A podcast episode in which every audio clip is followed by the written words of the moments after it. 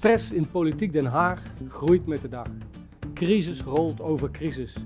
Wantrouwen tussen burgers en de overheid is wederzijds en is groeiende. Hoe houd je als ambtenaar stand in zo'n krachtenveld? Daar gaan we het over hebben. Hoe voorkom je dat je na de toeslagenaffaire, de Groningse gasdeceptie, de vluchtelingenopvangcrisis, telkens opnieuw achter de feiten aan moet rollen? Hoe kun je waarheid spreken in een organisatie die onder vuur ligt? Hoe kun je dat mens zijn? Rijksambtenaar Erik Pol laat in zijn boek Macht en Moed, ambtelijk vakmanschap en de kunst van het tegenspreken zien dat de moderne mens is verleerd om te spreken over waarde en over ethiek. En dat dit ook ontbreekt in het openbaar bestuur. Hij komt ons uitleggen hoe dit is ontstaan, wat daar het probleem van is en hoe we daar iets aan kunnen doen. Mens zijn in een ontzielde systeemwereld. Dat is de titel van deze serie en dit is de eerste aflevering. Welkom Erik, fijn dat je er bent. Een hele eer dat je hier wil komen vertellen over je programma. In onze tussenruimte, waar mensen van allerlei ministeries aanwezig zijn, van gemeenten, van provincies en allerlei uitvoeringsorganisaties. En ook in de chat zijn een heleboel mensen aan het meekijken. Dus ik denk dat we een heel gemeleerd publiek hebben waarmee we een mooie dialoog kunnen krijgen. We gaan het hebben over je boek, Macht en Moed. Over je werk als programmadirecteur van uh, Dialoog en Ethiek. En over je opdracht om de dialoog over ethiek en het ethisch bewustzijn bij de overheid uh, aan te zwengelen. Een bijzondere, uh, verantwoordelijke, grote, misschien wel te grote opdracht. een opdracht die je kreeg naar aanleiding van de toeslagenaffaire. Je werkt met een, een team van, een, van tien man, geloof ik, om dat ja. aan te zwengelen. Allereerst het boek hier, Macht en Moed. Ik heb het van de vakantie gelezen. Echt uh, acht dagen ingestoken. Ik was gefascineerd. Het is een enorme pil, zoals u ziet. Ze noemen hem in de wandelgangen ook al de dikke pol. En um, tja, waarom moest dit boek er komen? Dat is natuurlijk de hoofdvraag. Er zitten misschien twee antwoorden in, uh, Bas. Dankjewel voor de uitnodiging om hier uh, te kunnen spreken over dit soort vragen. Het eerste is dat um, ik ben ongelooflijk geschrokken door de toeslagenaffaire. Dat heeft, me, dat heeft me aangezet op een manier die ik nog niet zo goed kende eigenlijk. Ja. Uh, dus dat is een belangrijke reden waarom het boek er moest komen. Er is iets echt niet oké okay op een aantal punten in het functioneren van de Rijksoverheid. En daar werk ik. Ik ben lid van die club, om het maar eens even zo te zeggen. Dus ik voel me aangesproken door wat daar uh, is gebeurd. En uh, ik heb ook niet eerder uh, gevoeld dat de vragen die op ons afkomen, als samenleving, als rechtsstaat, als overheid, als ambtenaar, dat die zo serieus zijn als ze nu zijn. Dus misschien klopt dat niet, maar dat was mijn gevoel. Dat was een reden waarom het boek er moest komen zoals het er nu uh, ja. ligt. En een andere reden is dat ik uh, van schrijven hou. ja. En daarom moest het boek er ook komen, ja, omdat daar een soort van persoonlijke aandrang in zit om, uh, nou in dit geval wat ik dan zie of waar ik iets over zeggen wil, te vertalen naar een, een boek wat schrijvende weg past, die dikke pil is geworden die dan uh, nu hier op tafel uh, ligt. Ja. Wat ook nog wel grappig is om misschien te zeggen, want dat zullen veel collega-ambtenaren herkennen, dat je in het werk uh, allemaal grenzen hebt om dingen te doen. Spreektijd of een nota, niet te lang, of nou ja, hè, dat komt allemaal op gang, weet je, één A4'tje. Dat soort lengte-terreur, zou ik bijna zeggen. Nou, en als je dan, je en als je dan. Ja. ja. dus als je dan een boek schrijft waar niemand om gevraagd heeft en wat gewoon toch uh, lekker geschreven mag worden, ja. dan, dan, dan, dan mag dat even uh, opzij worden gezet. Ja. En ik heb in het boek daar ook wel wat dingen over geschreven. Dat, dat ook überhaupt een boek is eigenlijk al te lang voor, laten we zeggen, de werkprocessen van ons als ambtenaren. Maar dat is, een, is ook een symbool bijna voor uh, de korte denkspier die overbelast is geraakt. Uh, uh, mm-hmm. Niet alleen bij ambtenaren, maar misschien wel de hele samenleving.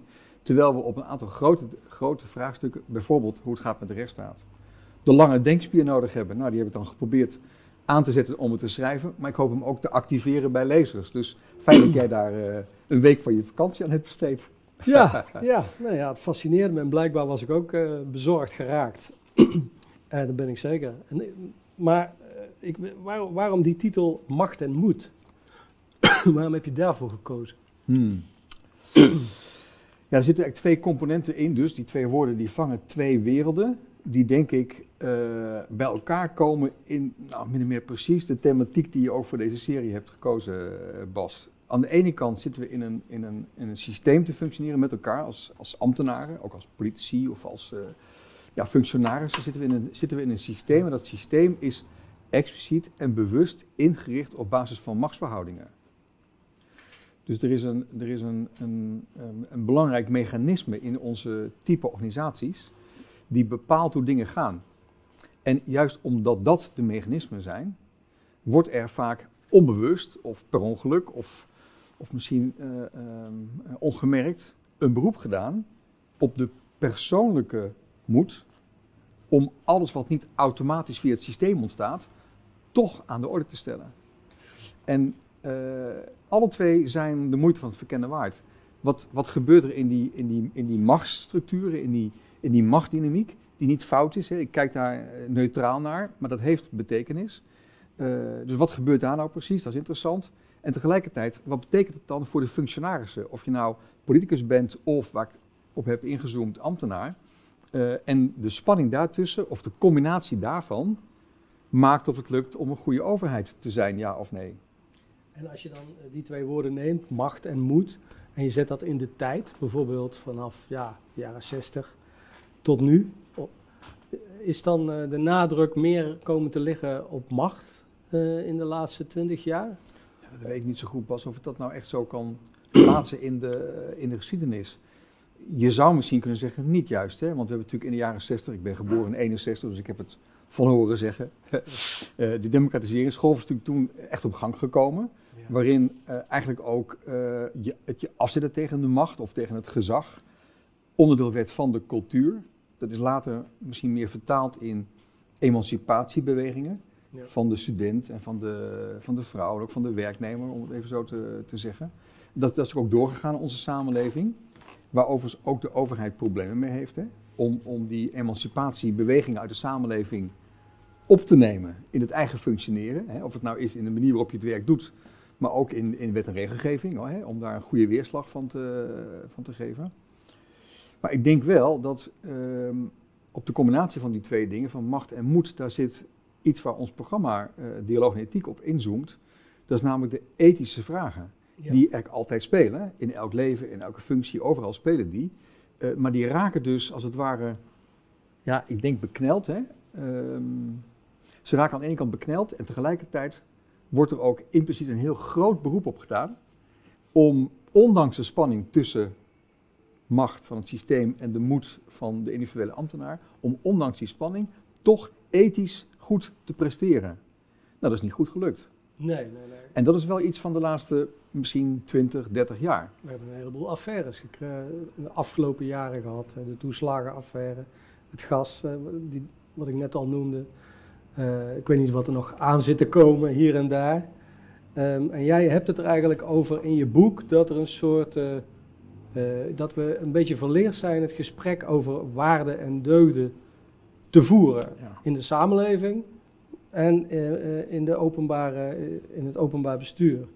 Hoe komt dat eigenlijk dat we te maken hebben met een soort van, nou ja, misschien zet ik het iets sterk aan, taboe op ethiek?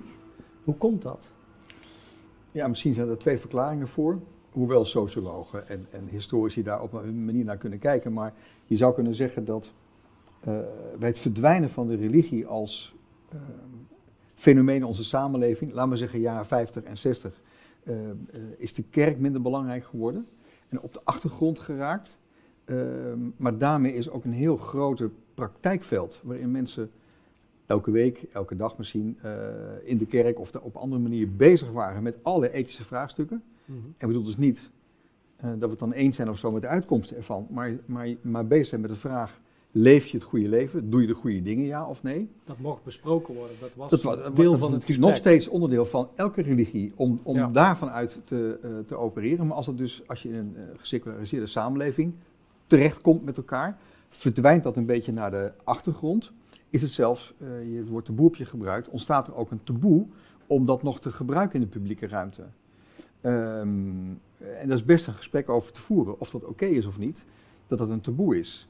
Ja, we denken is dat dan, een probleem? Nou, ik zou denken, ik persoonlijk vind van niet, maar in onze samenleving vinden we het snel een taboe. Als we als we, wij kunnen ons niet voorstellen dat onze minister-president, zoals in Amerika de president doet, zich op God beroept als hij een belangrijke toespraak houdt. Dat vinden wij een raar soort iets. De koning, onze koning trouwens wel. Ja. Die zoekt daar ook formuleringen bij, waardoor het niet helemaal precies meer over de klassieke God en de kerk hoeft te gaan, maar wordt natuurlijk wel aan, eh, aan geraakt. Maar dat, dat hebben we uit het politieke domein weg willen, eh, willen halen. eh, als algemene tendens. Maar in Amerika is dat volop aan de orde. Amerika is in zekere zin ook kun je best duiden als een religieuze staat. Ja, ja. Wordt natuurlijk over het algemeen niet zo gezien, want we beschouwen het als een soort van democratische liberale vriend die hetzelfde wil als wat wij willen. Maar Maar man, wij hebben God, ik bedoel, we hebben misschien dan God voor een deel uit het publieke debat weggehaald. Maar ehm, ehm, het feit dat daarmee ook het goede, tussen aanhalingstekens, of, of dat ethische, eh, dat er ook uitgetrokken wordt voor een deel, dat, is dat een, ik, zie, ik zou dat wel, al- dat is een probleem misschien wel voor, een, eh, voor, de, voor de overheid, voor ministeries. Omdat het daar moeilijker wordt om dit soort zaken bespreekbaar te maken. Ja, ik, ik, ik zei het, er zijn misschien twee antwoorden op te geven. De ene was dan die religieuze Ja. kant, zeg maar. En het andere antwoord gaat eigenlijk meer daarover. Dat is dat we in de samenleving elkaar zijn gaan aanspreken en afrekenen. En dus ook de overheid op, nou, je zou bijna kunnen zeggen, harde prestaties. Uitrekenbare prestaties, afrekenbare prestaties. En nog wat preciezer, het moet financieel-economisch kloppen. En als dat een beetje klopt, dan zijn we blij en is het oké. Ja. Ehm, dat vertaalt zich natuurlijk ook in discussies die al langer gaande zijn, maar nu weer echt volop eh, actueel zijn. Rondom hoe gaan we om met groei. Hè? We bedoelen dan economische groei. Eh, maar niet alle andere vormen van groei. Groei is natuurlijk een woord uit de natuur. Die staat nu juist onder druk. Ja. Omdat we een andere soort van groei met elkaar belangrijk eh, vinden. Dus er is, dat is een tweede beweging in de samenleving die zich ook vertaald heeft naar eh, hoe de overheid zichzelf ziet, is gaan zien, hoe de politiek zichzelf is gaan zien. Hoe we als samenleving ook van de politiek iets wel en iets niet verwachten. We verwachten het regelen van dingen. Ja. Rutte eh, eh, vindt het ehm, ehm, logisch dat hij over zichzelf zegt: Ik ben besteld om problemen op te lossen. Hè? Stikstof is zo'n voorbeeld, dat gaan we oplossen. Ik denk dat dat niet klopt. Nee? Nee, ik denk dat een premier is besteld om het land te leiden. En dat is iets anders dan een probleem oplossen. Wat is het Dus- verschil? Dat de oplossing op een andere manier tot stand komt dan via het regelen van dingen via de treffenzaal en de departementen. Namelijk? Ehm, namelijk eh, de krachten in de samenleving die er zijn, ondanks of wat je ook verder daarvan verzint hier in het Haagse, om die krachten eh, ja, tot, een, eh, tot een gezond systeem te helpen komen. Dus er wordt, er wordt vage taal dit, maar ehm, laten we kijken naar de boeren. Ja, dat wou ik net zeggen. Ja, een goed voorbeeld. Als je, als je kijkt naar wat Remkes nu gedaan heeft, Ja. Dan is hij eigenlijk bezig geweest om op het niveau van ethiek ehm, dingen te zien en dingen uit te spreken. Daar heeft hij ook een paar concrete maatregelen aan, aan verbonden. Het kaartje van tafel en binnen een jaar moeten we de piekbelasters uitkopen of eh, zorgen dat ze opgelost eh, zijn. Ja, dat waren de concrete. Wat waren voorbeelden van zijn ethische eh, ingrepen? eh, waarderend zijn voor de bijdrage van, van de boeren of van de, ja, van de boeren. Eh, in het beheren van het landschap bijvoorbeeld. Of in het produceren van ons voedsel. Waar ze ook zelf eh, in, hun, in hun protesten aandacht voor eh, vragen.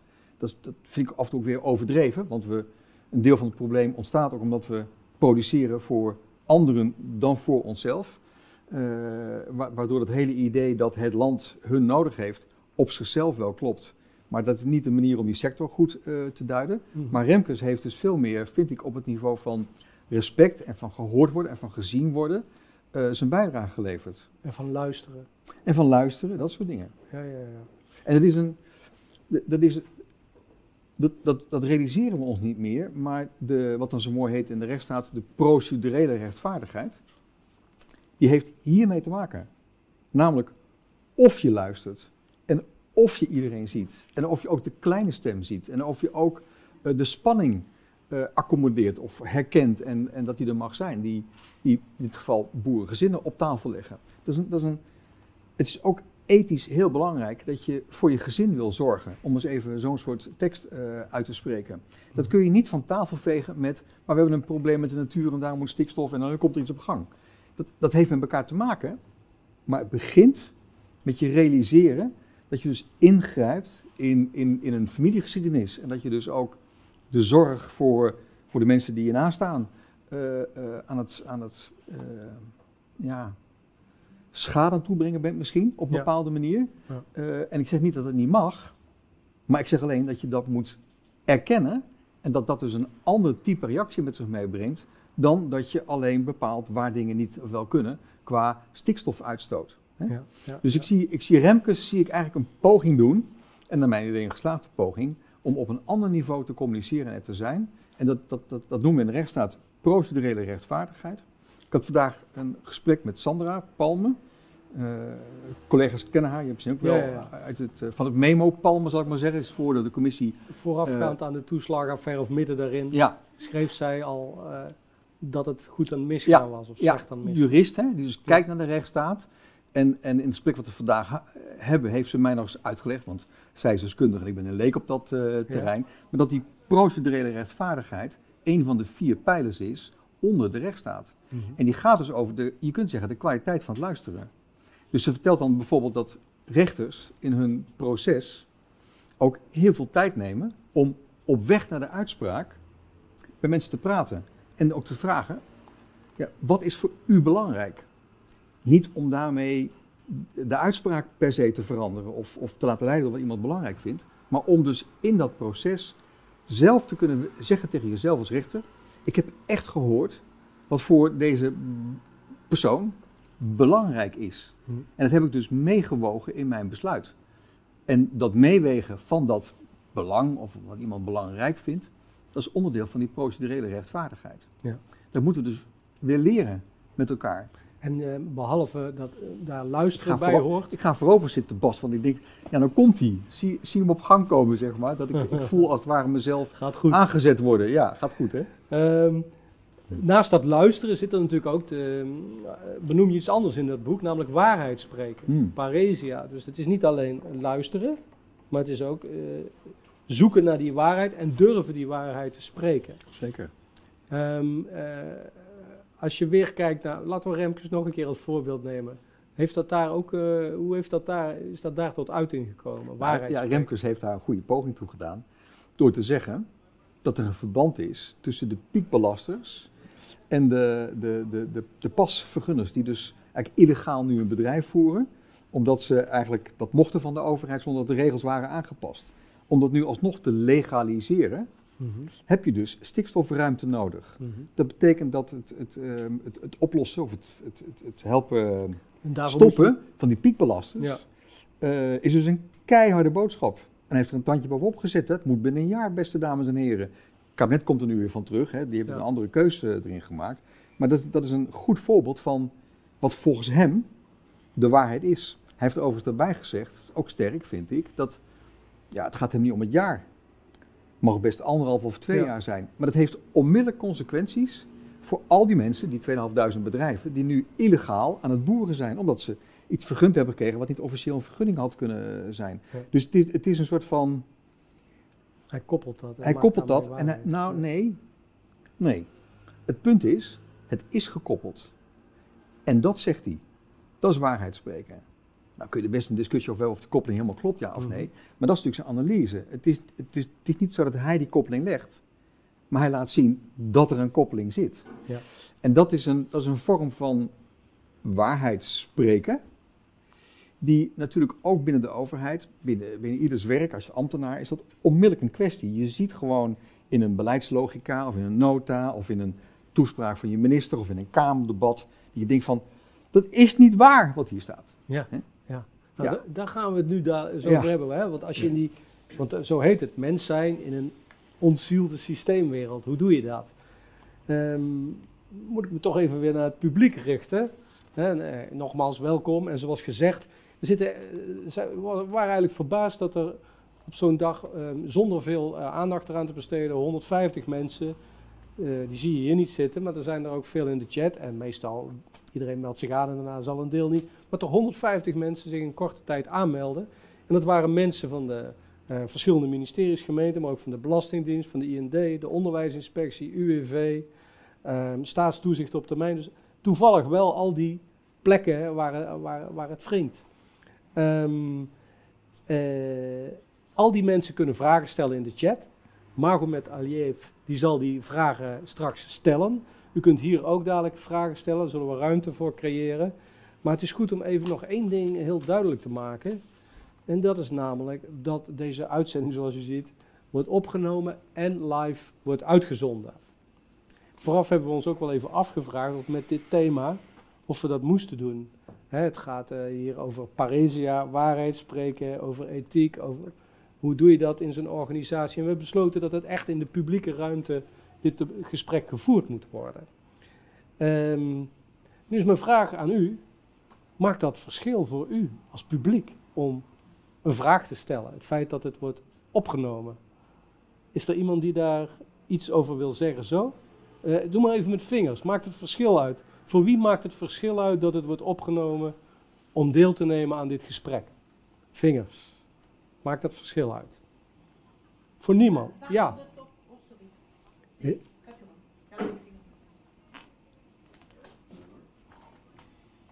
Een paar vingers. Uh, ja, een paar vingers waren er. Waar, wordt het uh, uitgezonden?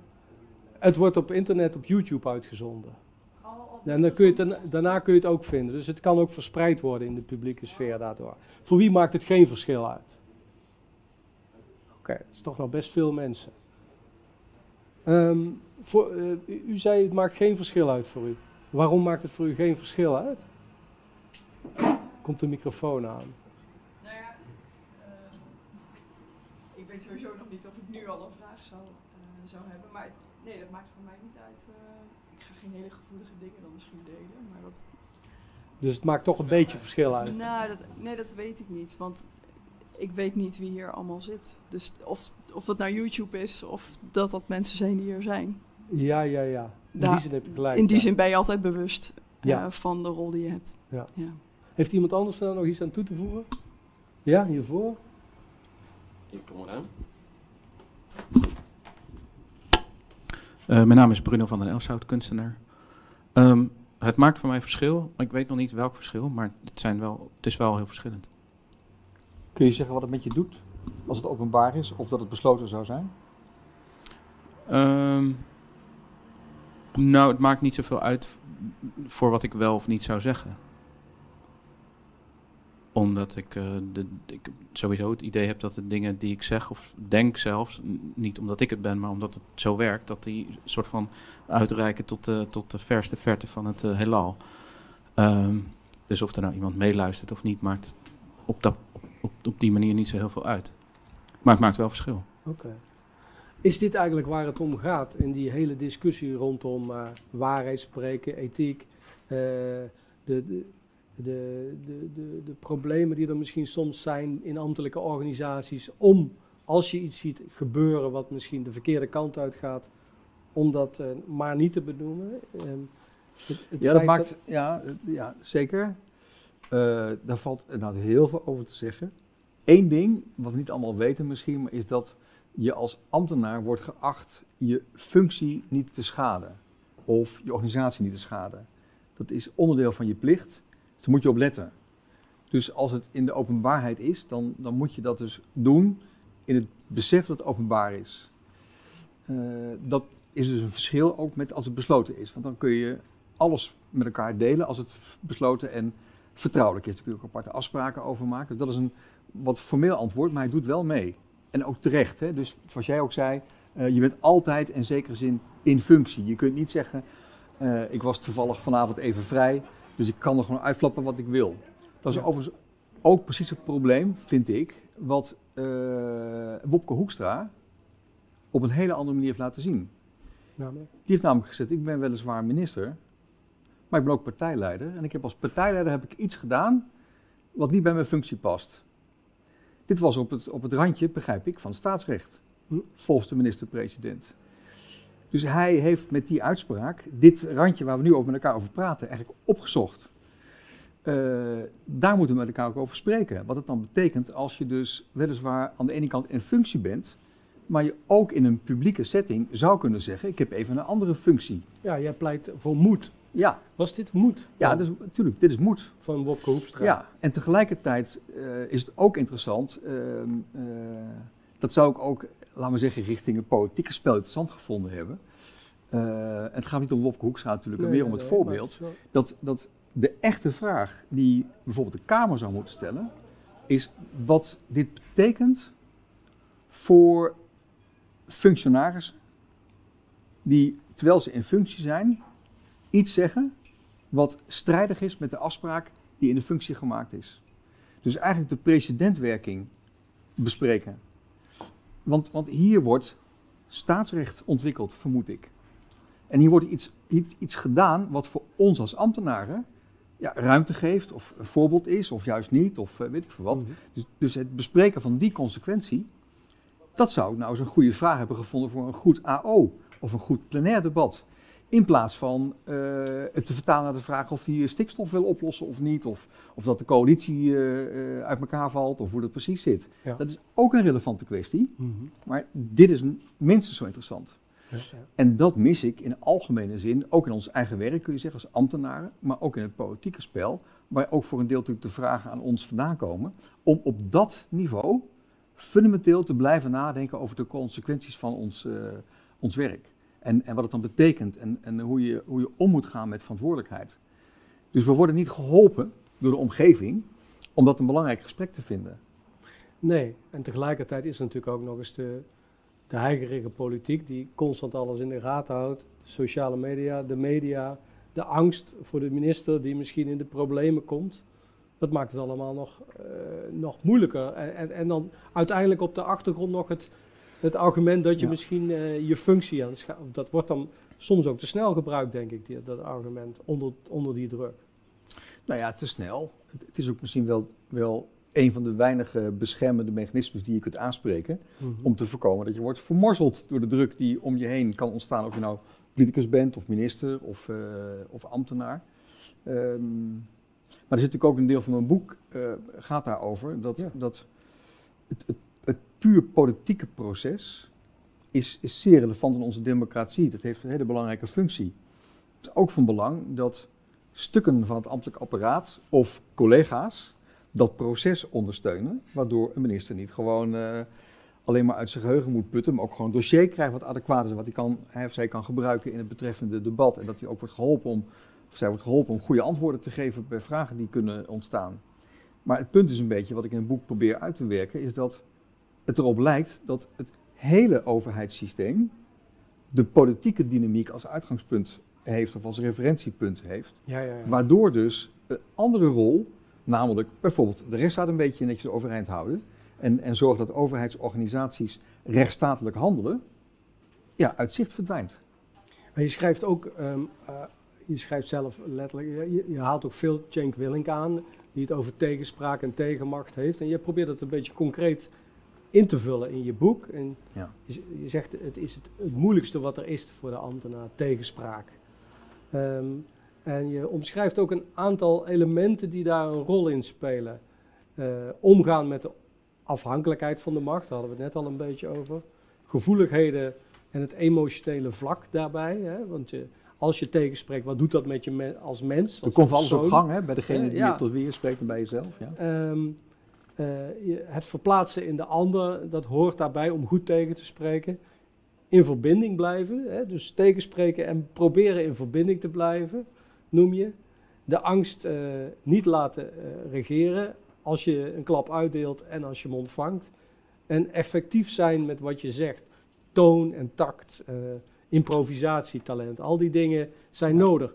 Dat zijn, de- ik ben blij dat je cursussen gaat geven, laat ik het zo zeggen. Nou, maar, ja, maar we- Is daar genoeg aandacht voor en worden mensen daar wel eh, voor geschoold? Of, eh, Nee, nee en, en niet zozeer die scholing, maar het, het probleem is dat we er te gemakkelijk over denken. Dus ik heb dat om die reden geprobeerd die moeilijkheden wat uit elkaar te trekken. Terwijl ze één voor één, iedereen zal ze herkennen.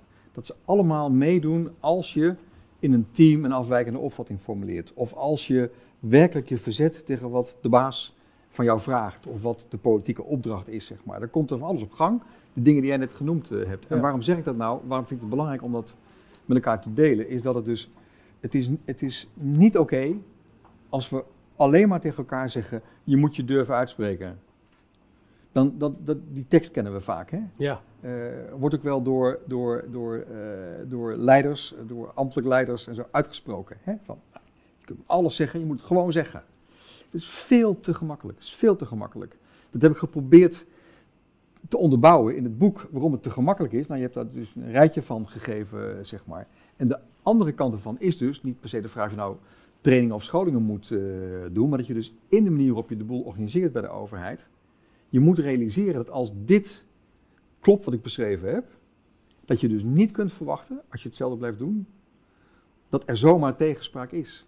En dat bijvoorbeeld signalen zoals die eh, in de Belastingdienst ontstaan zijn rondom de toeslagenaffaire, dat die voldoende gewicht krijgen en doorwerken in je organisatie. Je moet juist ook met die affaires in het achterhoofd constateren dat dat nou precies het probleem is. Ja.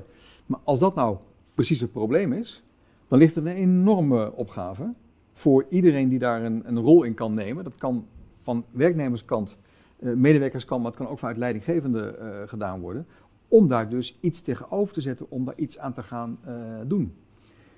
We hebben als programmateam Dialoog en Ethiek hebben we een hele simpele oefening eh, ontwikkeld.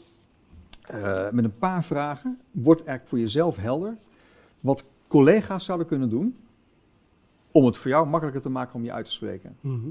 Nou, als je dit met elkaar in een team bespreekt, dan, dan, dan ontstaat er iets van, van het besef dat wat ik doe voor jou van belang is. Dus los van de vraag wat je nou precies wil zeggen of ik het helemaal met je eens ben, maar het is van belang, van, van mij gezien, om eh, de omstandigheid te creëren waardoor het voor jou makkelijker wordt en dat rijtje van moeilijkheden een klein beetje kleiner eh, wordt. Dat moet je dus met elkaar doen. Daar moet je werk van maken, daar moet je afspreken, daar moet je tijd in stoppen, daar moet je trainingen op doen als je het zou willen, of Ja. een cursus of wat ook maar. Eh, je moet er werk van maken. En dat, dat je moet maar afremmen als het eh, gewoon lekker ja, doordraaien. Ik wil dadelijk even de zaal wat vragen laten stellen. Ja, want, want er, is, er is bijvoorbeeld een mooie thematiek die parallel aan, die, aan de parlementaire ondervragingscommissie kinderopvangtoeslag naar boven is gekomen door de commissie Bosman, tijdelijke commissie uitvoeringsorganisaties. Die heeft eigenlijk gepleit, kun je zeggen, voor meer in beeld brengen van uitvoeringsproblemen. Die moet je eigenlijk beter zien Mhm. als je beleid maakt of als je wetgeving eh, maakt. Daar is een, er is een ambitieus programma op ontwikkeld. Dat loopt eh, de komende jaren. Heel belangrijk wat mij betreft. Maar het zal niet lukken om de samenwerking tussen, laten we maar even zeggen, uitvoeringsorganisaties en beleidsorganisaties goed te krijgen. Als niet tegelijkertijd iets aan de, ja, de meer culturele kant wordt gedaan van wat we net met elkaar bespraken. Wat moet je doen überhaupt in een gesprek om je vrij te voelen te zeggen wat je te zeggen hebt? Mhm. Er zit tussen uitvoering en beleid nog een apart soort probleem in. Dat, dat eh, beleidsmakers, laten we zeggen de Haagse wereld, zich belangrijker voelt dan de uitvoeringswereld. En het probleem is ook dat de uitvoeringswereld dat eigenlijk ook zelf vindt. Ja, je hebt, Ja. sch- schrijft ook dat, daar, dat er veel, en dan gaan we echt naar vragen, Ja. dat eh, die frontwerkers, schrijf je in je boek, die mensen Ja. die dus juist in contact staan met de samenleving, die zijn inderdaad, die vinden nu Den Haag vaak belangrijker, of dat eh, wordt ook zo gespeeld, dat spel. En je zegt eigenlijk, je zou het bijna moeten omkeren. Ja, ik, ik- denk dat, dat ehm degenen die op de grens zitten van de organisatie waar ze werken, bijvoorbeeld aan een helpdesk, iets heel simpels. Eh, die zitten op de grens van de organisatie en de gewone wereld van, van de gewone mensen. Omdat je, weet ik veel, bij de RVO of zo aan, aan de helpdesk eh, zit. Deze mensen weten als geen ander wat het betekent in de huishoudens, in de bedrijven, als ze daar zonnepaneel subsidie aanvragen en, en iets voor elkaar willen, Ja. willen krijgen. En die kennis, dat inzicht, is hartstikke hard nodig om in de politiek of in het beleid een arrangement te maken, een plan te ontwikkelen, wat weer bij diezelfde mensen de goede dingen eh, ondersteunt of de goede problemen weghaalt. Ja. Dus het is, het is gek dat, dat, dat we in onze manier van werken beleid een onderscheid maken tussen beleid en uitvoering en niet het veel meer bij elkaar brengen en veel meer die kennis die daar zit belangrijk maken. Ja, ja. Begin al met schalen. Hè? Mensen in de uitvoering die, Ja. die, die vergelijkbaar werk doen als, als een beleidsmaker, worden vaak lager ingeschaald. Worden onderkend, worden aan gewerkt, hè? dus ik vertel geen nieuwe dingen. Maar het laat allemaal zien dat daar, dat daar patronen in, zi- in zijn gekropen die veel verder gaan dan je moet gewoon durven zeggen wat je wil zeggen en dan zijn we klaar. Zijn er vragen in de zaal? Ja, daarachter is een vraag. Er komt een microfoon naar u toe. Kunt u ook uw naam even zeggen en misschien ook waar u werkt? Mijn naam is eh, Willem Sulters. Ik werk in de stedelijke ontwikkeling. En ik moet hier de bekentenis doen. eh, toen het eerste vragenrondje ging over je uitspreken, gaat het natuurlijk inderdaad over moed. Moed van het individu om zich publiekelijk uit te spreken. Ehm, in mijn gang hier naartoe dacht ik natuurlijk aan de recente gesprekken over de rol van de Kamervoorzitter. En ik las tussen de regels door dat er kritiek was op de zogenaamde familiecultuur. Dus gelukkig komt het begrip cultuur nu naar voren. Wat is nou de cultuur waarin mensen met elkaar samen iets doen? Dus die familiecultuur, daar zaten negatieve aspecten aan, ziende vanuit de efficiëntie van het overheidsapparaat. Die is eigenlijk vervangen voor de vaak voorkomende angstcultuur. Waarin zaken aan de orde zijn die niet helemaal kosher zijn, wat mij betreft. Dus mijn vraag is de volgende. Als ik enigszins positief frame dat een familiecultuur gaat over vertrouwen en het dragen van eigen verantwoordelijkheid en gesprek als er dus iemand uit de bocht vliegt of wat puberaal gedrag vertoont, hoe dat zich verhoudt tot de angstcultuur, die blijkbaar ondergronds nu zich veel vaker openbaart, of het nou economische zaken is rond het gas, of de Belastingdienst met de, de toeslagenaffaire, en er nul gesprek plaatsvindt met de mensen waarover het eigenlijk gaat. Het is natuurlijk nogal shocking. Dus ik begrijp dat je bent gaan schrijven, Erik. Ja. Heb je mijn vraag, is mijn vraag helder? Ja, tenminste, raakt, Familiecultuur versus angstcultuur. ja, ja, en je raakt natuurlijk aan een thematiek die, ehm, die, die echt belangrijk is. Eh, en, en misschien mag ik dat zo eh, oppakken. Ehm, we kunnen het hebben over de rechtsstaat en over de politiek, over de samenleving, wat er allemaal fout gaat of wat er beter moet. Maar we kunnen het ook hebben over de thematiek die Willem aandraagt. Namelijk, hoe ga je echt met elkaar om? Mhm. En dat heeft op zichzelf nog niks te maken met de rechtsstaat, maar gewoon met de vraag: hoe ga je met elkaar om? En sociale veiligheid, daar raak je aan met je eh, vraagstukken, is echt een wezenlijke thematiek.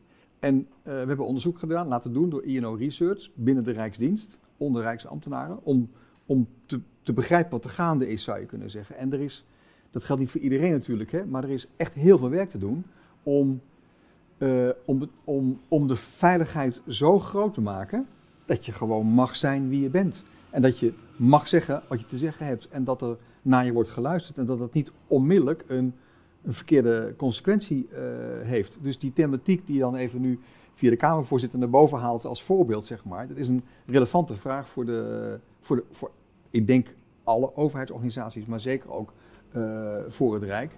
En ik, ik zeg wel eens als ik in gesprek ben met mensen of als er ergens op een podium eh sta, je kunt de Rijksdienst, als je het zou willen, ook op drie manieren typeren. De ene manier is Mhm. angstcultuur. De tweede manier is een probleemontkenning.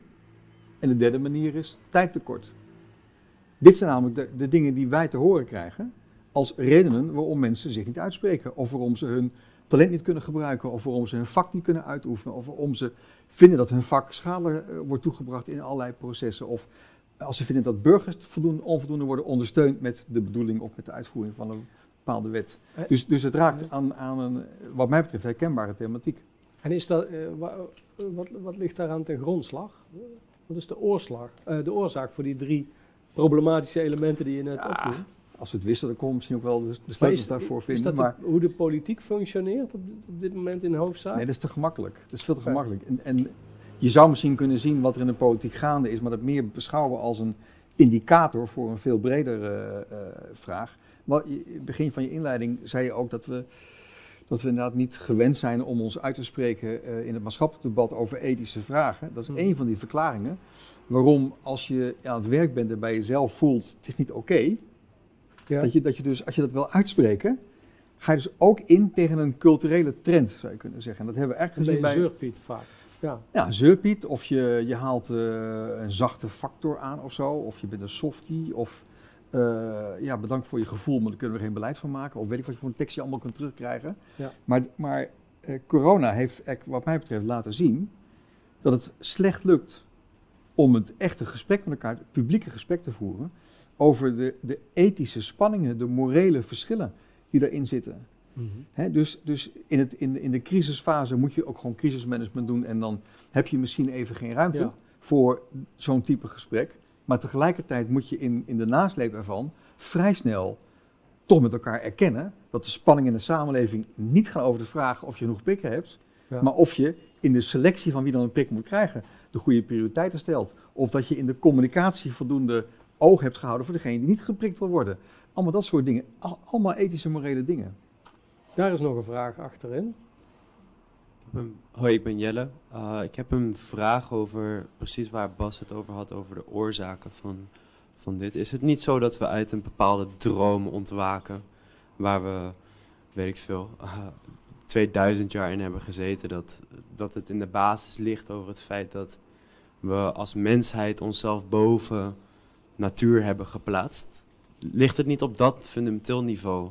Ligt daar niet al een kwinkslag in de kabel, waardoor al het andere daar een resultaat van is? Of is dat maak je het dan te groot? Nou, misschien maak je het te groot, Jelle, maar eh, als je aan het werk bent binnen de overheid, dan zou ik dit gesprek op enig moment in het beleidsteam een relevant onderwerp kunnen vinden. Omdat je dan eh, probeert te begrijpen wat je met je beleid aan het doen bent, bijvoorbeeld. Hè? Of, of om te begrijpen waarom de uitvoering de vorm heeft gekregen die die gekregen heeft. Eh, niet om dan vervolgens de wereldproblemen van 2000 jaar op te lossen, of daar een briljante analyse van te maken, want dat kan waarschijnlijk helemaal niet, maar wel om gevoel te krijgen van de context waarin je zit. Dus dat is een andere soort van manier om het te duiden, eh, Bas. Uh, in mijn boek uh, besteed ik aandacht aan het historisch geheugen of het historisch vermogen. Dat heeft Jink Willing me hardhandig ingevreven toen we elkaar spraken over wat een ambtenaar zou moeten weten, zeg maar. Uh, maar de thematiek ligt veel groter. Begrijpen wij als ambtenaren, uh, als functionarissen, in welke context wij ons werk doen? Dat is niet alleen wat er nu gaande is in Nederland of in Europa of wereldwijd, maar ook waar komen we vandaan en waar gaan we heen. Dat is ook context in de tijd gezien. Dat is in feite waar Jelle denk ik met zijn vraag ook aan, uh, aan raakt. En je hoeft niet het antwoord precies te kennen, maar je moet er gevoel voor krijgen. Je moet dat begrijpen. En, en natuurlijk in de ene functie is dat belangrijker dan in een andere functie. Maar dat je daar met elkaar uh, rekenschap van geeft, je, je lijkt me belangrijk. dat in, in het voorgesprek ook al. Uh, want, uh, er moet er meer duidelijkheid zijn over de rol en de ruimte die, de, die de ambtenaar heeft. vaak heb je zij-instromers, zoals je zelf ook bent. Ja. Je komt daar ineens te werken en dan zit je in dat complexe veld. Maar er is in Nederland blijkbaar niet, eh, zoals je burgerschapscursus, burgerschapscursus hebt voor immigranten, heb je geen ambtenarencursussen voor nieuwe ambtenaren. Nee, zo, stelde jij dat. Maar Ja. volgens mij zijn er heel veel scholen, maar op het ethisch gebied ontbreekt dat volgens jou. Ja, ja. Er, is, er is van alles uh, Ja. in opleidingen land, binnen de overheid en buiten de overheid om ambtenaren te ondersteunen met kennis en dat soort dingen in hun, uh, in hun Maar? werk. Maar er is geen, je zou kunnen zeggen, body of knowledge bepaald, vastgesteld van dit is echt een soort van kern die je allemaal zou moeten weten als je wordt bekleed met de verantwoordelijkheid van de overheid. Want dat worden we als ambtenaren. Dat doet een bepaald soort beroep op. ehm, nou, een mooi Ja, voorbeeld. wat is die kern? Dat moet ik natuurlijk nu even vragen. Nou, een van de, een van de elementen is de eh, regels voor eh, behoorlijk bestuur. Dat is niet een kwestie van soms wel toepassen, andere keer niet toepassen, maar het is een kwestie van altijd aan moeten voldoen. Het is een heel simpel dingetje, maar het moet je, het moet je verteld worden hè, om, Hmm. om, het, om zeker te weten dat iedereen dat dan ook even weet. Eh, je kunt er ook een beroep op doen in het werk zelf. Je kunt er ook eh, aan toetsen of je dat eh, op de goede manier gedaan hebt of niet. Want is- behoorlijk, dat is ook gedefinieerd. Bestuur kan ik nog iets bij voorstellen, maar bij behoorlijk. Ja, dat, dat is op bepaalde manier gedefinieerd. Hè. Je, je moet een bepaald soort verhouding houden in de maatregelen die je treft en de effecten die het met zich meebrengt. En ook de, de, de onbedoelde effecten die het met zich meebrengt. Je moet ook toegankelijk zijn als overheid, bijvoorbeeld. Je, je, moet, je moet gebeld kunnen worden met een vraag. Ik krijg een brief, er staat iets in. Wat, wat, wat betekent dat eigenlijk? En of het nou per se via een telefoongesprek moet, maar je moet ontvankelijk zijn daarvoor.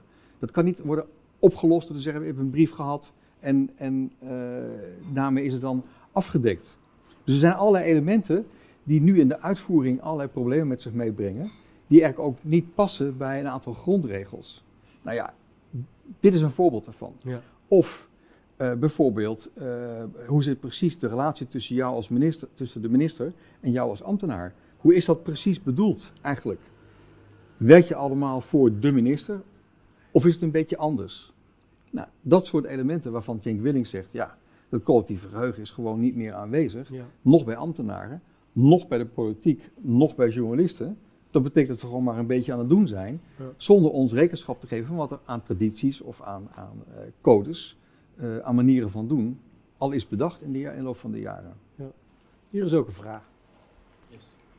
greep net uit wat je zei, dat als er eh, crisis is, dan dat vraagt om crisismanagement. En als de crisis dan voorbij is, dan vraagt het om, eh, dan, dan, dan ontstaat er weer ruimte. Ehm, welke manieren zie je om eigenlijk ruimte te maken binnen die crisis? Omdat je natuurlijk ook heel snel het risico hebt dat de crisis wordt aangewend om, eh, om maar voor te kunnen met het management. Ja, ja, dat is ook een probleem. Hè? Nou ja, misschien moet ik daar iets, iets vertellen over het Jeroen Bos ziekenhuis. Die hebben in coronatijd, in de aansturing van het ziekenhuis, is het door de raad van bestuur is dat ehm, eh, opgepakt als een vraag die bij hun zelf ligt. Kunnen wij met de leiding van het ziekenhuis elke dag op drie manieren leiden? De ene manier is het eh, eh, goed managen van de doorgaande werkprocessen, die er ook zijn in het ziekenhuis. De andere manier is crisismanagement op de coronaproblematiek. En alle effecten dat met zich mee heeft, me- meebrengt.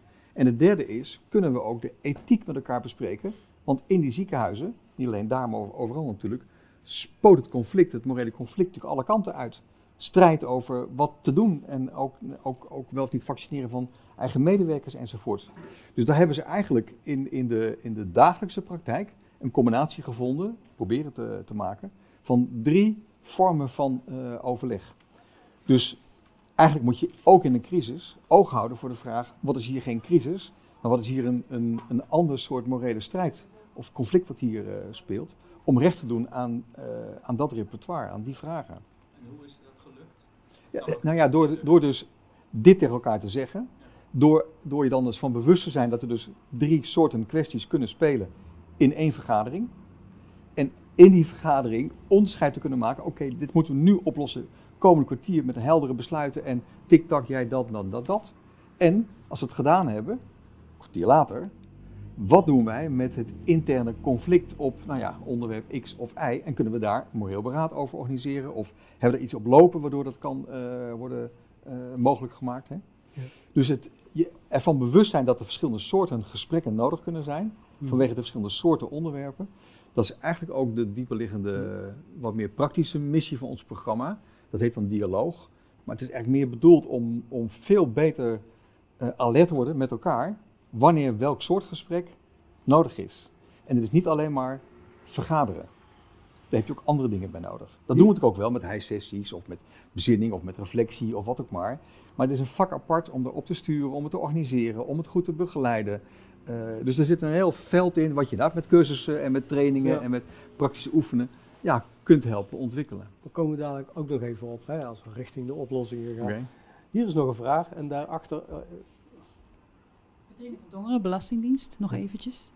Ehm, ze zeggen wel eens, eh, en dat is niet per se een, een, relatie die ik direct zou willen leggen tussen eh, Belastingdienst en, en de uitspraak, maar ze zeggen, ehm, een vis begint te rotten bij de kop, een organisatie begint te rotten bij de top.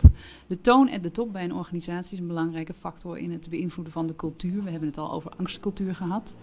Eh, nou had ik onlangs het genoegen om eens bij de Nederlandse Bank eh, langs te gaan, bij de afdeling gedragstoezicht.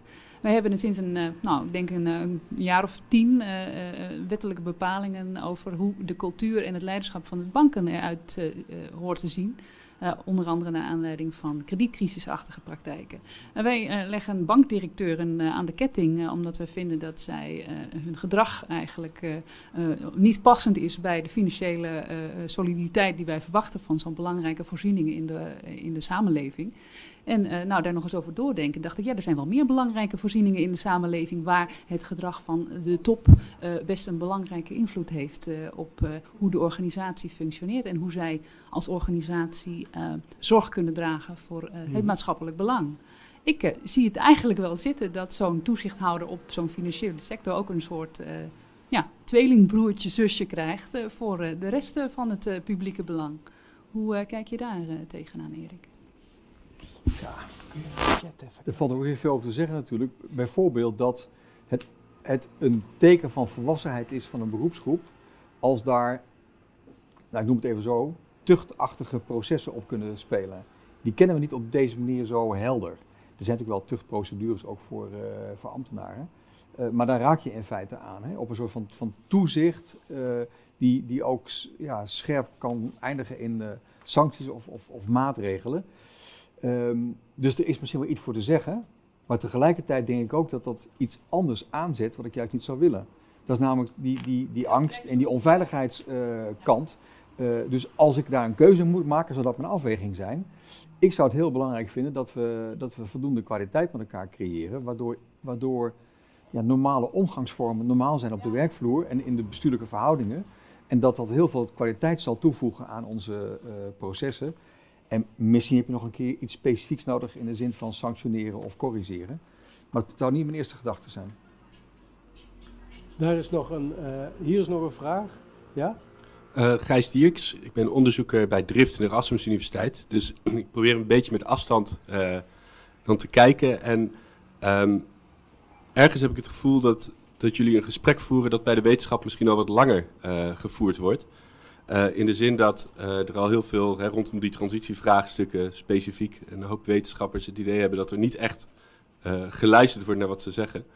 Eh, en in ieder geval ook een, een, een heel actief debat is over wat is onze rol eh, als wetenschapper in dat publiek debat. En hoe dicht moet ik bij de feiten blijven, hoeveel mag ik van mezelf inbrengen. Ehm, en waarom ik het wil agenderen is omdat de wetenschap ergens al een stap verder is. Want jij hebt het steeds over eh, het uitspreken, het goede gesprek, de dialoog.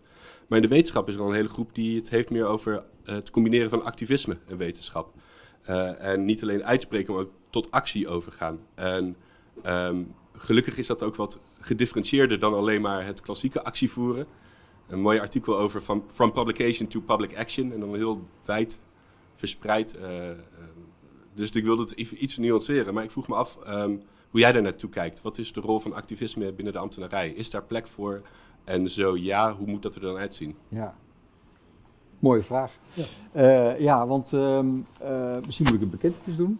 eh, hier op deze plek. De bekentenis is dat ik aan het radicaliseren ben.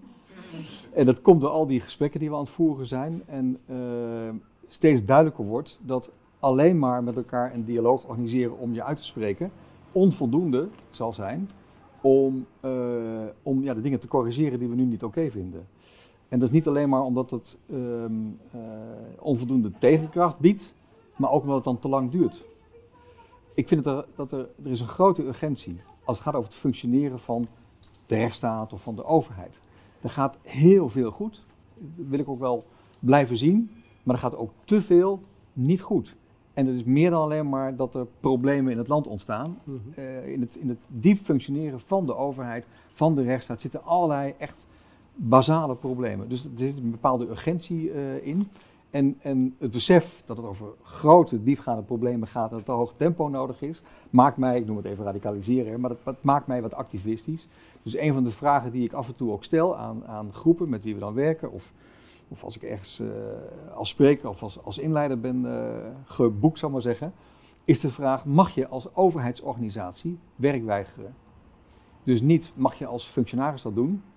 Dat zal best, dan heb je gewetensbezwaar en heb je daar processen voor, of eh, voor jou en ander, dan doet een ander je klus wel, even heel simpel gezegd.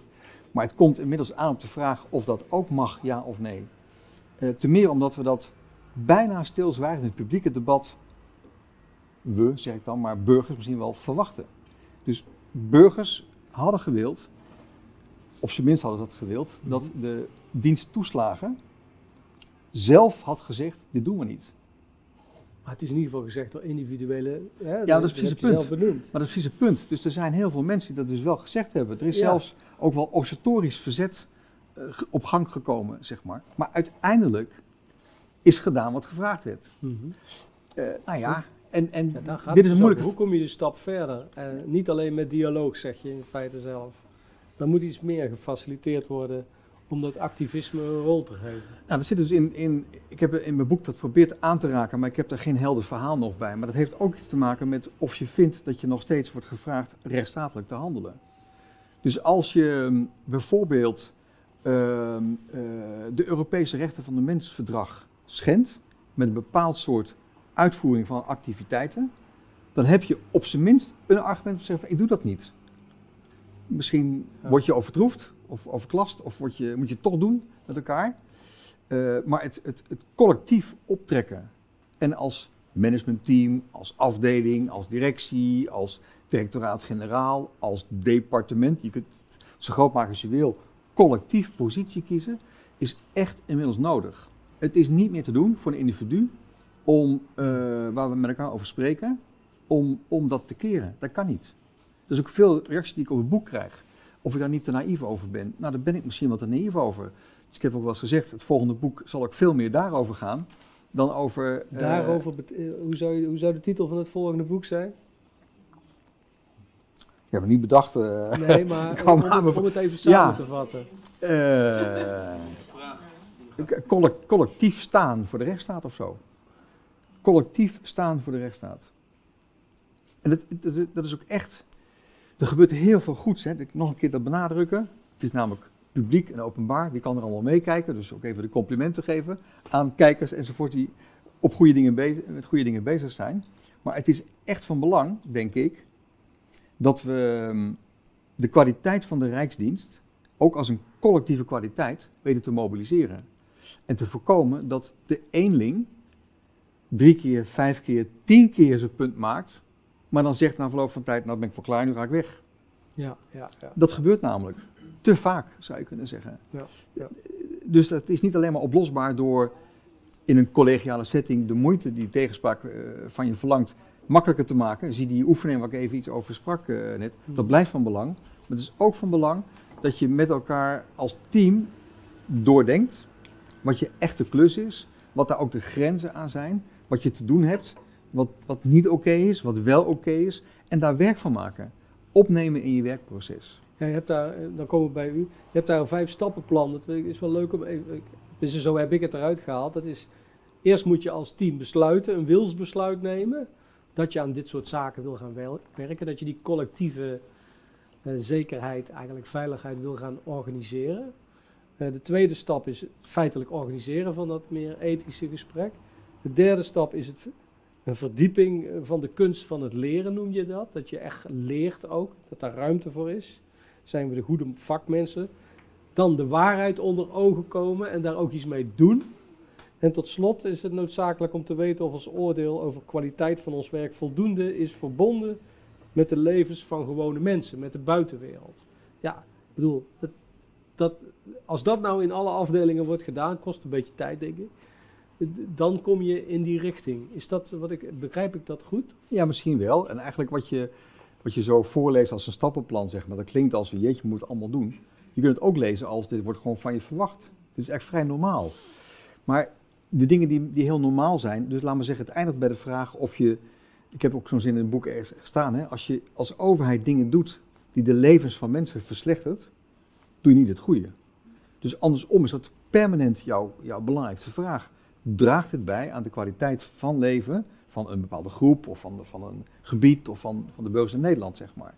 En dan zullen de antwoorden niet heel gemakkelijk zijn, hè? Mhm. maar je, je moet daar steeds weer opnieuw naar blijven kijken om ook gelegitimeerd te zijn, om het trapje terug als afdeling of als team te kunnen zeggen, we hebben er goed naar gekeken, dit komt in de knel eh, te zitten en dat is voor ons een reden om nou, ook de collega's te helpen op het rechte pad te blijven, heb ik wel eens gezegd. Hè? Dus Ja. het is ook gewoon je kennis gebruiken om het goede met elkaar te bereiken. Ja, want je gebruikt vaak die term het goede leven. En eigenlijk, als ik het goed begrijp, is werk aan het goede leven is de vraag stellen of we aan het goede leven werken.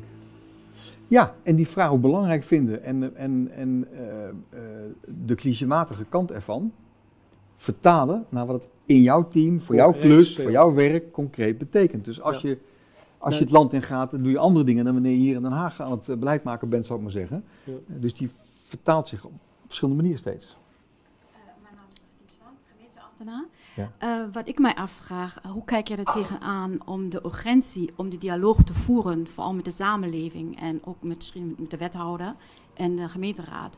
Hoe kun je die urgentie ehm, bevorderen? Want ik denk dat daar de kruk in zit, dat dat, dat urgentiegevoel ehm, eigenlijk een, een, een, een, een hefboomfunctie krijgt om dat wat jij dus beschrijft in je boek ook echt te laten landen en te laten gebeuren. Want dat vind ik een heel lastige. Ja, ja. Ja. Ja. Het is een, hoe, het is een hoe-vraag. En, en, en ehm, als ik ga antwoorden, zou de gedachte kunnen ontstaan dat ik op al dat soort vragen allemaal antwoorden heb. Die heb ik allemaal niet. Eh, Maar ik heb wel een suggestie misschien die, er, die erbij past. Dat is namelijk dat ehm, het, het, het werken met de letterlijke verhalen van mensen uit de stad waar je werkt, eh, of het land waar je voor werkt, of, of, of de, de doelgroep waar je mee werkt. Het herhalen en blijven vertellen, doorgeven, werken met de letterlijke verhalen, is waarschijnlijk de beste manier om iets van urgentie op gang te brengen. Ehm, over urgentie gesproken, er komt een eh, sirene voorbij, Ja. die heeft ook echt... Eh, ja, die moet, die moet echt iets natuurlijk. Hè.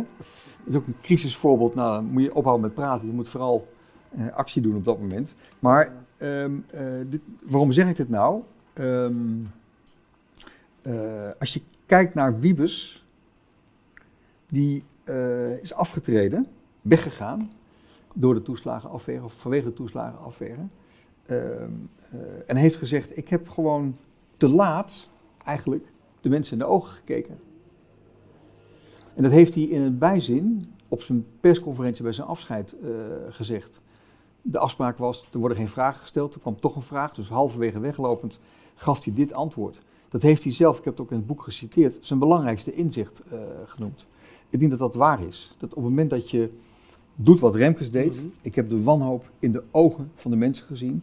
Door Hans Velbrief dit weekend nog weer opnieuw herhaald, dat hij ook daar ergens in ontmoeting de wanhoop van de mensen in de ogen eh, keek.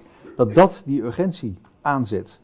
En er is dus geen urgentie rondom rechtsstaat of zo, of rondom eh, wat een ambtenaar moet doen. Dat is, een, dat is een urgentie op het niveau van als mensen in de knel zitten en dat als andere mens eh, tot je nemen, Ja. laten binnenkomen. En dat geldt En- natuurlijk niet alleen voor de top, maar ook voor de Geldt voor andere- iedereen, geldt Ja. ook voor mezelf, geldt voor iedereen. Ja. Elke keer weer opnieuw.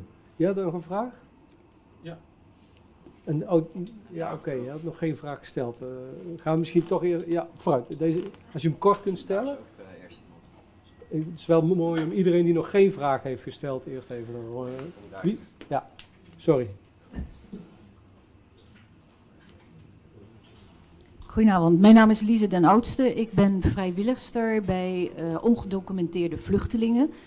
Ehm, daar zie ik eigenlijk de twee eilanden, ervaar ik daar heel sterk van de IND en de COA, waar dramatische besluiten genomen worden voor de groep waar ik mee werk. Eh, in Den Haag zijn er ontzettend veel eh, verenigingen en clubs die deze mensen in grote nood begeleiden en opvangen. Ehm, mijn vraag is, en dat is ook eigenlijk deels mijn eigen frustratie, maar ik ga begrip krijgen daarvoor waarschijnlijk als ik uw boek ga lezen. Waarom, waarom gebeurt er binnen de, de COA en de IND,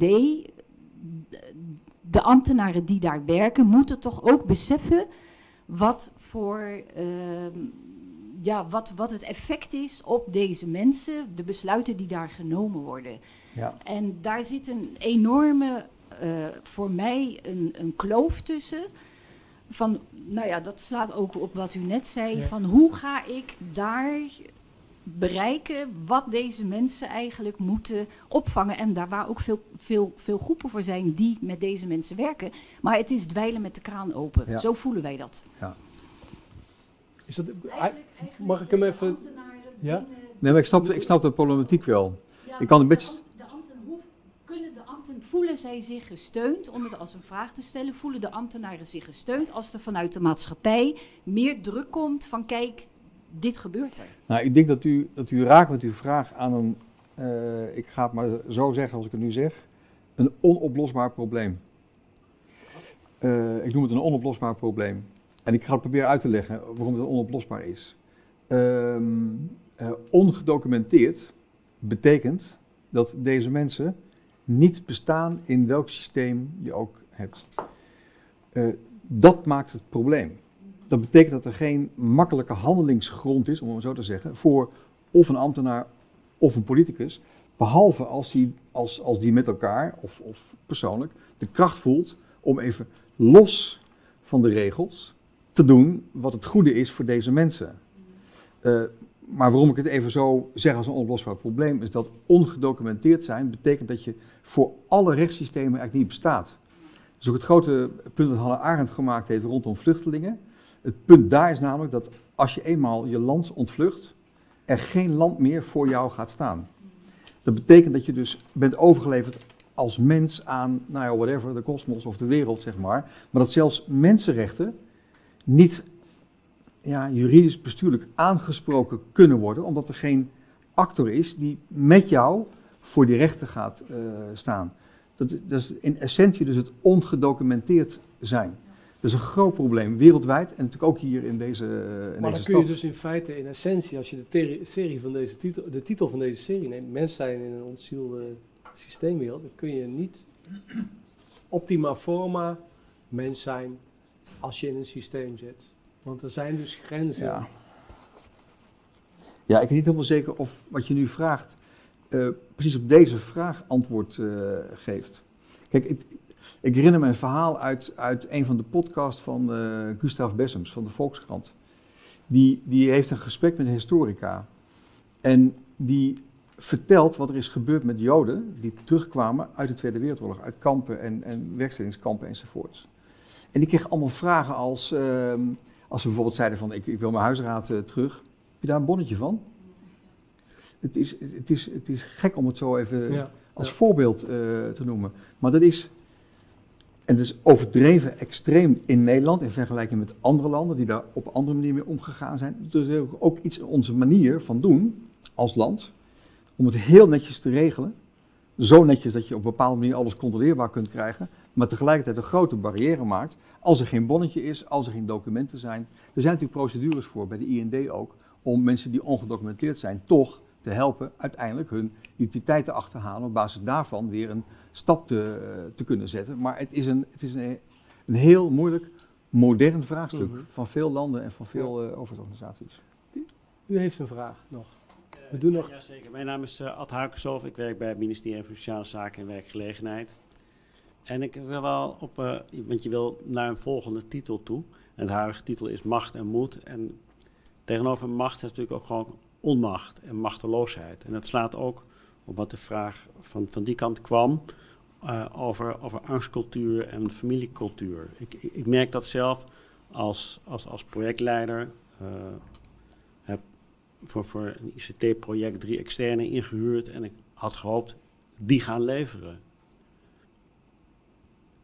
Maar ze hebben tot, eh, tot gisteren zeg maar niet geleverd. Vandaag zag ik dat er een eerste mijlpaal is bereikt. En nou begin ik, begint het vertrouwen te, gro- te groeien dat ze misschien ooit eh, eh, het projectresultaat wordt gehaald. En ik heb de druk van de stuurgroep op me van wil je voor 1 januari eh, leveren. De, ehm, nou, dat, ligt, dat is ook een deel in, in, in, in mijn beperkingen. Maar er is dus ook. Ik zit er nu ontspannen bij. ja, maar onmacht was vind ik wel een mooi thema. niet. Vind ik een mooi thema. Dus die er, dus, ik heb een enorme berg onmacht gevoeld en, en machteloosheid. En wat ik nodig had was volwassen, competente externe. Ja. Die een professionele houding eh, aannemen. Die kunnen communiceren, samenwerken, flexibel zijn, creatief zijn. Maar dit klinkt wel heel targetgericht, precies waar eh, er moest een doel, eh, er moet gewoon iets opgelost worden bij u en u zoekt wat mensen, het moet opgelost.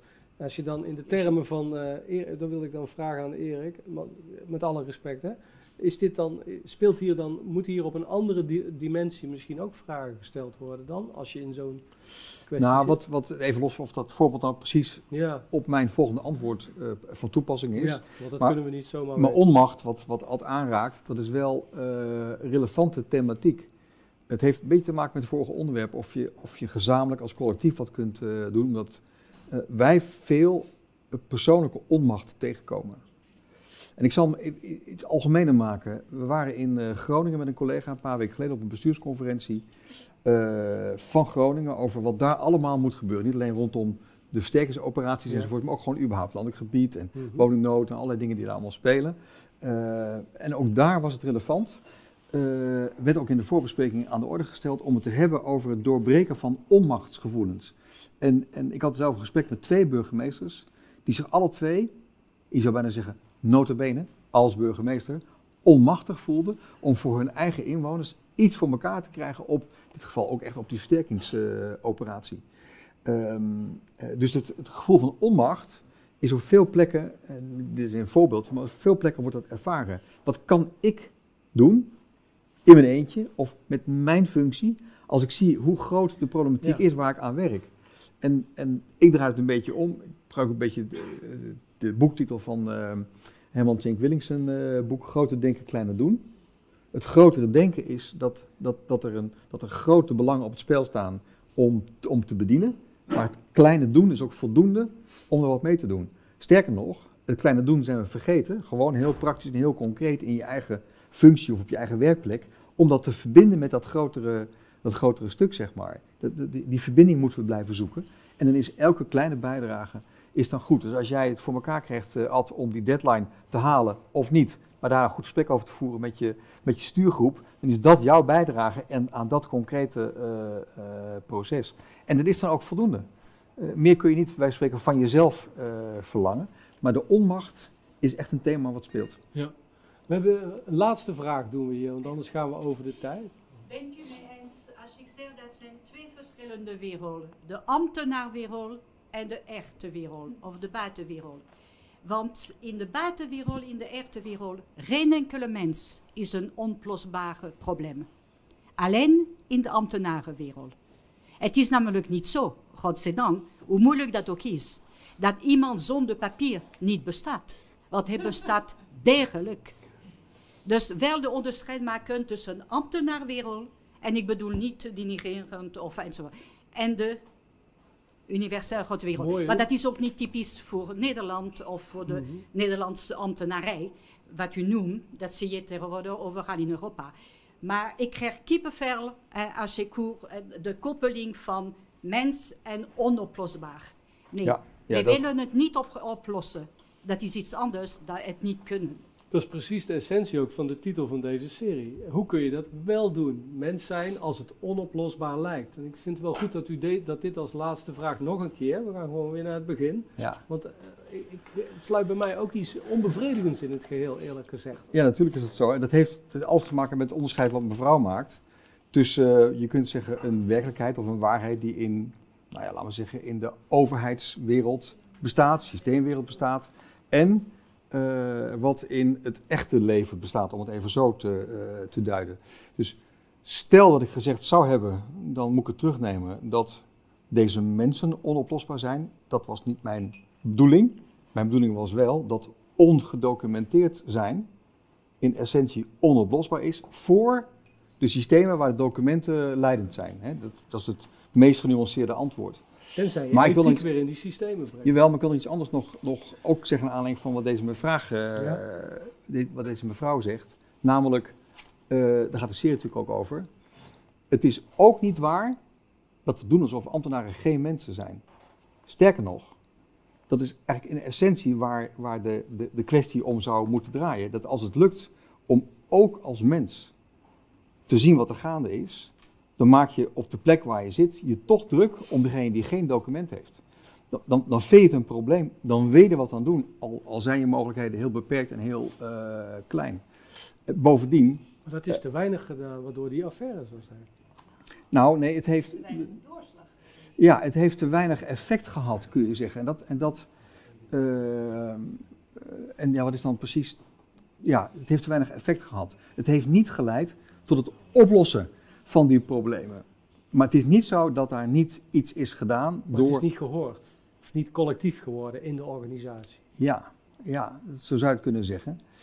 En ik wou nog, nog eens benadrukken dat ehm, wat een ambtenaar weet en voelt en ervaart, niet alleen dat is wat hij of zij tijdens werktijd voelt en ziet en ervaart. Dus ook wat een ambtenaar gewoon in het eigen leven meemaakt. Misschien mag ik één voorbeeld noemen om het eh, te illustreren. In ons team, op maandagochtend, komt een collega binnen en zegt wat ik nou meegemaakt heb. Dus gewoon een collega ambtenaar. En die heeft precies het toeslagenprobleem ervaren. Op dat moment, een maand of twee geleden. Dus het, dus het zit ook gewoon in onze eigen levens net zo hard als in de levens van, eh, van anderen. Eh, en als we daar gebruik van mogen maken als bron van inzicht, wordt het misschien een klein beetje beter. Dat is precies wat ik nog wilde vragen. Wat is je slotappel Hmm. aan de politiek of aan de mensen die werken in, bij overheden, eh, bij gemeentes, bij uitvoerings... Wat is het slotappel? Wat, wat wil je eigenlijk in essentie meegeven? Ja, met, met, met het woord appel roep je een bepaalde vraag op. En dat zou ook mijn antwoord eh, wel, wel moeten zijn, denk ik.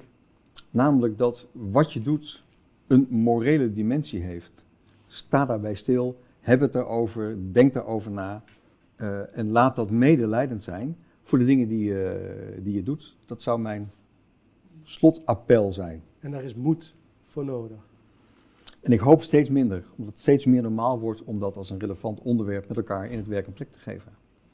Dankjewel, Erik. Alsjeblieft. Voor dit eh, zeer interessante gesprek. Dankjewel ook allemaal hier in de zaal, mensen in de chat die geen vragen hebben mogen stellen. Dat, eh, excuses daarvoor. Ehm, ik wens je heel veel succes om die 120.000 Rijksambtenaren in de komende jaren te helpen in dit proces. Ehm, ik wijs u erop dat we in deze serie op 2 november een volgende aflevering hebben. En dat met publicist en onderzoeker Thijs Jansen van de Stichting Beroepseer. En we gaan het dan hebben over beroepseer, beroepszeer, ambtelijk vakmanschap. Hij komt op 2 november. Dan gaan we proberen het iets meer nog weer te concretiseren of van een andere kant te belichten. Eh, dit programma werd mede mogelijk gemaakt dankzij onze collega's bij de tussenruimte. Elina, Nicky, Magomet, Andrea en Patrick. Het was niet mogelijk geweest zonder Emma dat de tussenruimte hier faciliteert. U kunt de gesprekken terugkijken op www.emma.nl slash tussenruimte. En tot slot mag ik u ook nog op iets moois wijzen in Den Haag. Sinds een korte tijd, eh, enkele maanden, is er eh, iets dat heet Spreek met drie E's. Spreek met drie E's.nl. En daar kun je alle debatten die in Den Haag worden gevoerd bij elkaar vinden. Zodat je eens wat overzicht hebt. Kijk, Amsterdam heeft een pakhuizen, Zwijgen, waar ze het allemaal doen. Hier in Den Haag zeggen ze, we hebben een heleboel druppels waar het gebeurt. Maar we laten nu wel zien dat het gebeurt op spreek.nl. Dank u wel, dat was het en tot ziens.